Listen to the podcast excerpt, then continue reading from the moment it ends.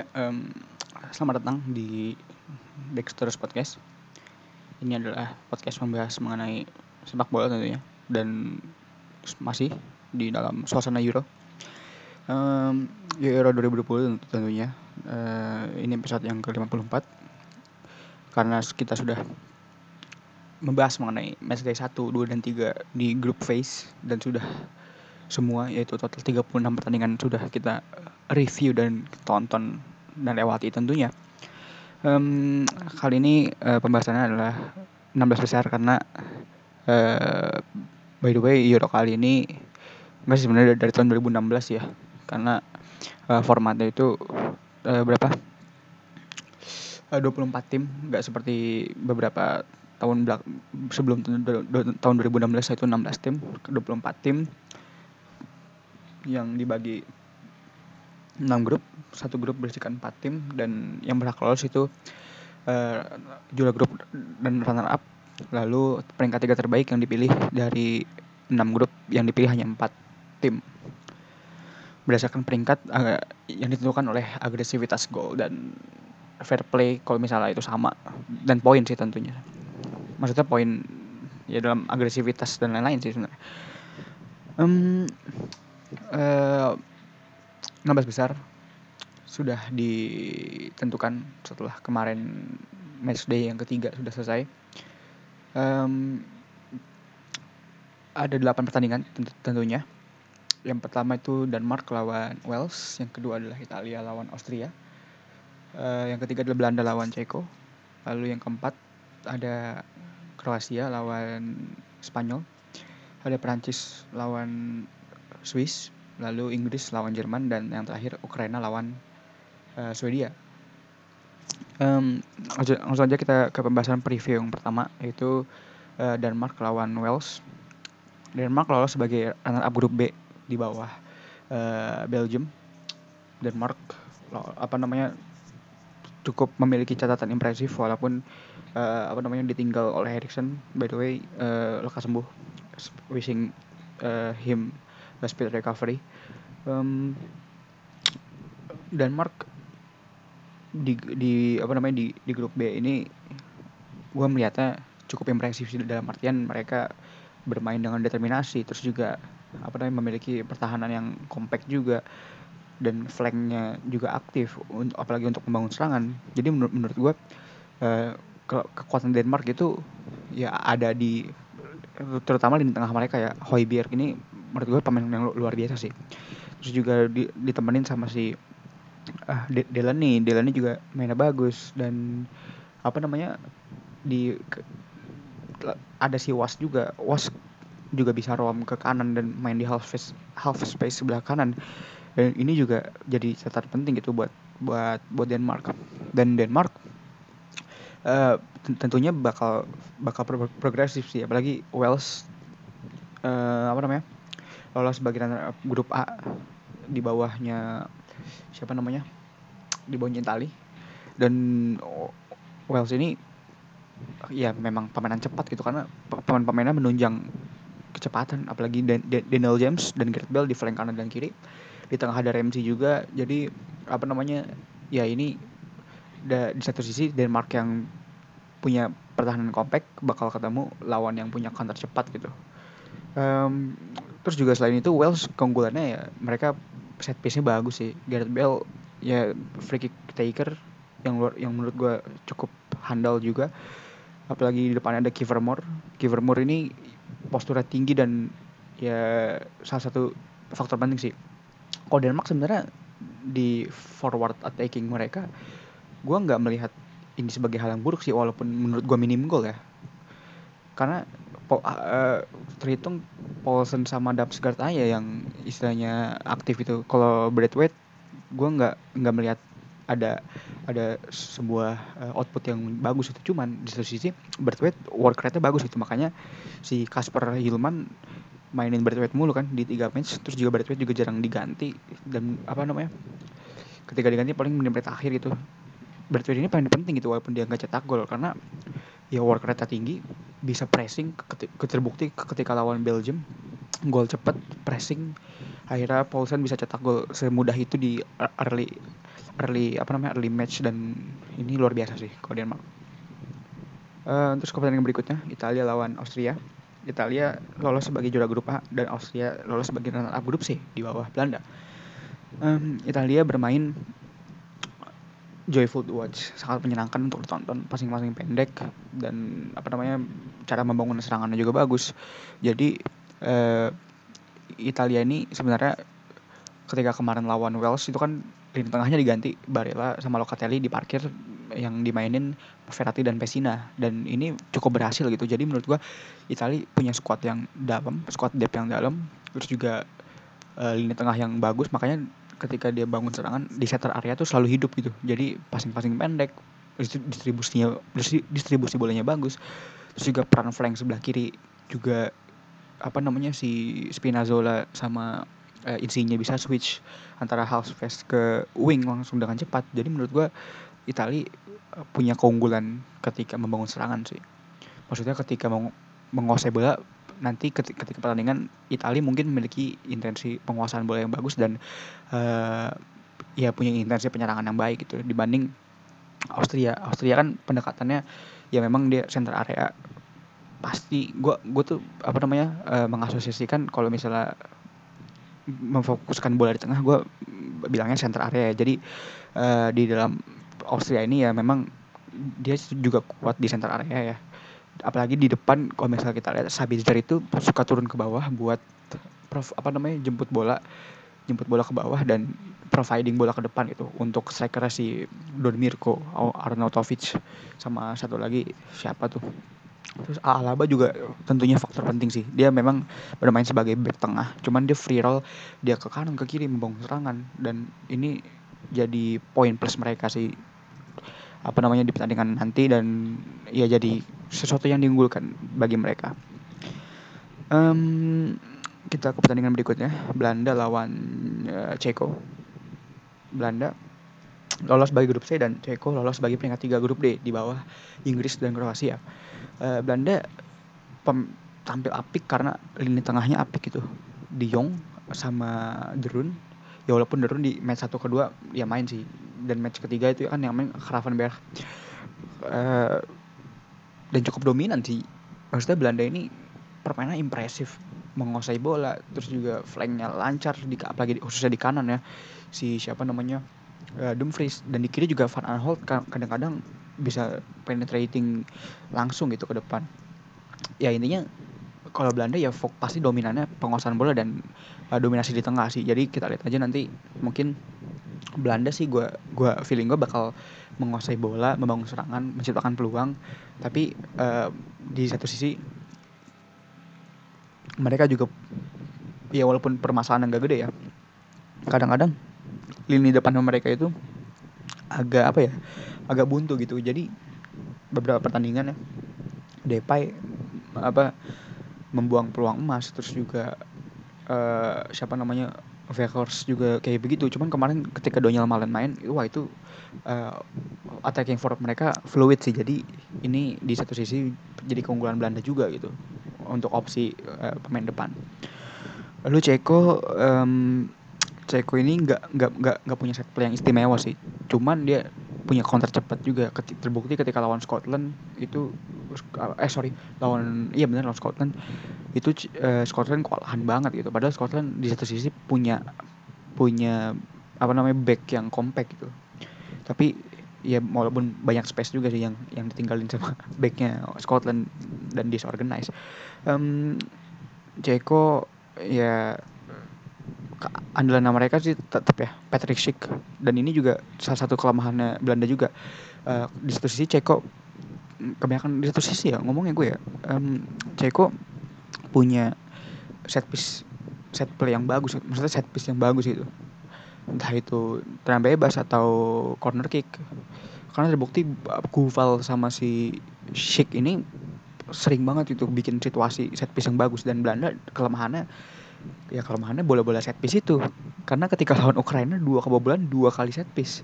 Eh sorry satu kali set piece. Cuman um, gol gol pertama kan Yarmolenko ya. Gol kedua itu si Yaremchuk atau siapa? Gue lupa. Apa Malinov ah enggak gue lupa. Um, kelemahan Belanda juga yang gue apa set piece set piece apa ya? Uh, apa ya? Defense set piece-nya kurang bagus gitu. Jadi ya ini juga salah satu hal yang bisa dimanfaatkan oleh Ceko gitu. Terus ada berikutnya Belgium lawan uh, Portugal.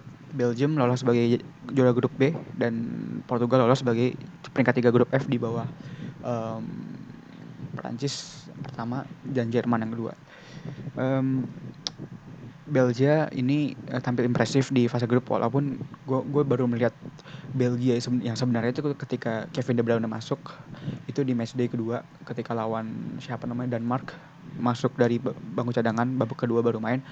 Dan ya Belgia terlihat sebagai Belgia peringkat apa namanya yang main yang bermain seperti Belgia gitu. Maksudnya uh, impresif dalam serangan counter attack juga cepat. Uh, build distribusi bola yang rapi dan build up play yang apa set play yang bagus. Jadi menurut gue uh, uh, di sini apa Belgia ketika lawan Portugal nanti uh, apa nih walaupun Portugal itu punya punya apa namanya punya ah hell punya counter attack yang cepat gitu. Jadi Belgia kan pertahanannya ketika beberapa match kurang bagus menurut Denayer suka meninggalkan space terus juga uh, di kanan pun si siapa uh, kan dia main tiga back ya sorry uh, di kanan kan oh, opsinya tuh Mionir nggak ada jadi diganti sama si eh sorry Mionir main ya yang nggak ada itu uh, si siapa namanya Kastanye dan apa namanya Belgia ya nggak cuma mengandalkan De Bruyne juga sih karena Lukaku beberapa game tuh luar biasa mainnya walaupun gak cetak gol dia bisa ciptakan situasi dia bisa uh, punya gerakan tan pergerakan tanpa bola yang bagus. Jadi ya ini sangat seru sih pertandingannya sih. Lalu Portugal mereka punya skill individu pemain yang luar biasa. Di depannya ada Bernardo ada uh, apa Jota walaupun Jota uh, belum gue nggak bilang jelek ya. Ya mungkin untuk level Portugal dia uh, agak agak kurang lah kemarin kemarin kemarin. Dan Ronaldo apa namanya memiliki finishing yang luar biasa. Jadi ya Portugal punya efektivitas Belgia punya uh, apa namanya set play yang set play permainan yang bagus gitu. Jadi ini bakal pertandingan yang seru sih Kroasia lawan Spanyol. Kroasia lolos sebagai runner up grup D di bawah Inggris. Dan Kroasia sebenarnya tampilnya eh, sorry Spanyol dulu. Spanyol lolos sebagai runner up grup E di bawah Swedia. Um, Kroasia sebenarnya tampil agak mengecewakan karena di beberapa match awal itu terlihat apa namanya kurang kompak aja gitu lini per lini. Karena ya walaupun ini apa namanya turnamen maksudnya banyak pemain yang cabut juga ya maksud bukan cabut sih banyak yang ya kayak Rakitic kan dia walaupun dia agak ngedrop cuman ketika di timnas dia oke. Okay, Rakitic uh, uh, pensiun dari timnas sudah tidak bermain lagi di timnas. Dan apa Kroasia sebenarnya ya figur utamanya tetap Modric sih karena Modric menciptakan peluang playmaking terus juga apa namanya distribusi bola yang baik. Terus, bahkan dia kemarin mencetak gol lawan uh, apa Ceko eh sorry lawan Ceko lawan Scotland. Dan apa namanya ya dibanding sama Spanyol Spanyol sebenarnya kan permasalahannya cuma di finishing doang gitu. Si siapa namanya Morata buruknya sangat-sangat buruk menurut gue nggak apa namanya tidak memperlihatkan dia kapasitas dia sebagai striker Spanyol yang dari dulu sangat ganas David Villa David Villa terus si Fernando Torres. Dan Morata sebenarnya ya permasalahannya mungkin lack of confidence gue nggak tahu. Tapi di satu sisi Busquets balik dari apa namanya dari masa-masa covidnya dan Pedri bermain bagus dan Busquets ini jadi salah satu faktor penting itu karena kemarin-kemarin Rodrigo itu terlihat ya kurang. Maksudnya gue nggak bilang jelek ya. Mungkin peran Rodrigo itu tidak tidak semenarik peran Busquets ketika kemarin bermain gitu.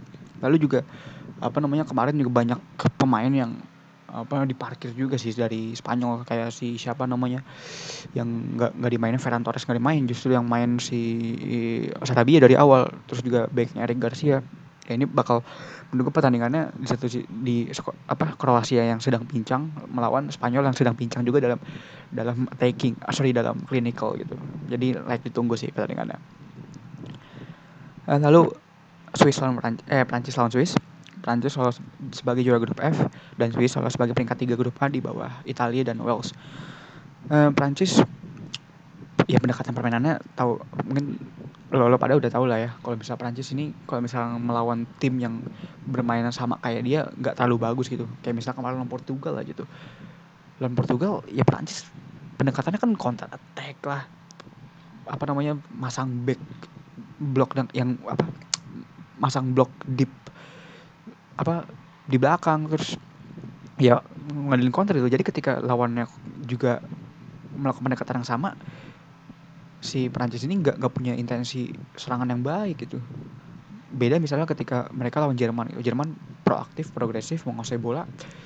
Dan Prancis kan tinggal nunggu oper ke depan langsung forward mereka bisa fluid dengan luar biasa gitu. Apalagi Mbappe dan cuman uh, poin pentingnya sebenarnya uh, si Prancis ini Pogba ini kan luar biasa gitu permainannya ditemenin sama Conte. Dan ini bisa jadi apa namanya suatu kekuatan uh, Prancis sih ketika lawan Swiss. Dan dan di satu sisi Swiss juga apa namanya di fase grup gue nggak melihat sebagai sesuatu yang baik si si siapa? Franco Foda ya.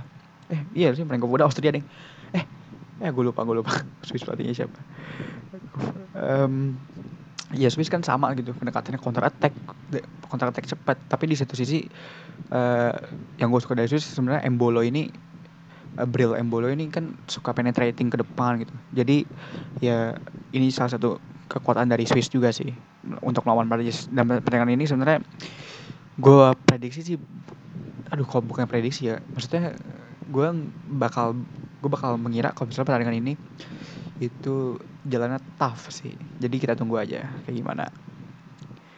Uh, Inggris lawan Jerman. Inggris lolos sebagai grup D sebagai juara grup D. Inggris dan Jerman sebagai runner up grup F. Inggris di satu sisi gue nggak lihat Southgate punya line up yang tetap gitu ya walaupun di fase grup juga sih. Cuman gue nggak melihat sebagai sebagai hal yang positif juga uh, suka ganti-ganti pemain. Match day pertama itu Trippier main di kiri terus match day kedua apa namanya uh, show dimainin terus match day ketiga si siapa namanya kalau show dimainin oke okay lah. Maksudnya bek kanan pun ketika match day kedua pakai Rhys James terus di depan match day ketiga Foden gak main. Ini ya maksudnya belum ada yang apa tetap gitu. Belum ada yang tetap. Jadi dari pemilihan pemain Southgate dan baik lagi sih Inggris bakal apa namanya holding the mid holding the midfield ya, holding the center area dengan Calvin Phillips sama Declan Rice. Inggris juga sebenarnya punya punya kebuntuan dalam mencetak gol. Harry Kane tidak kunjung mencetak gol, tetapi Sterling pun kemarin sudah cetak dua gol ya.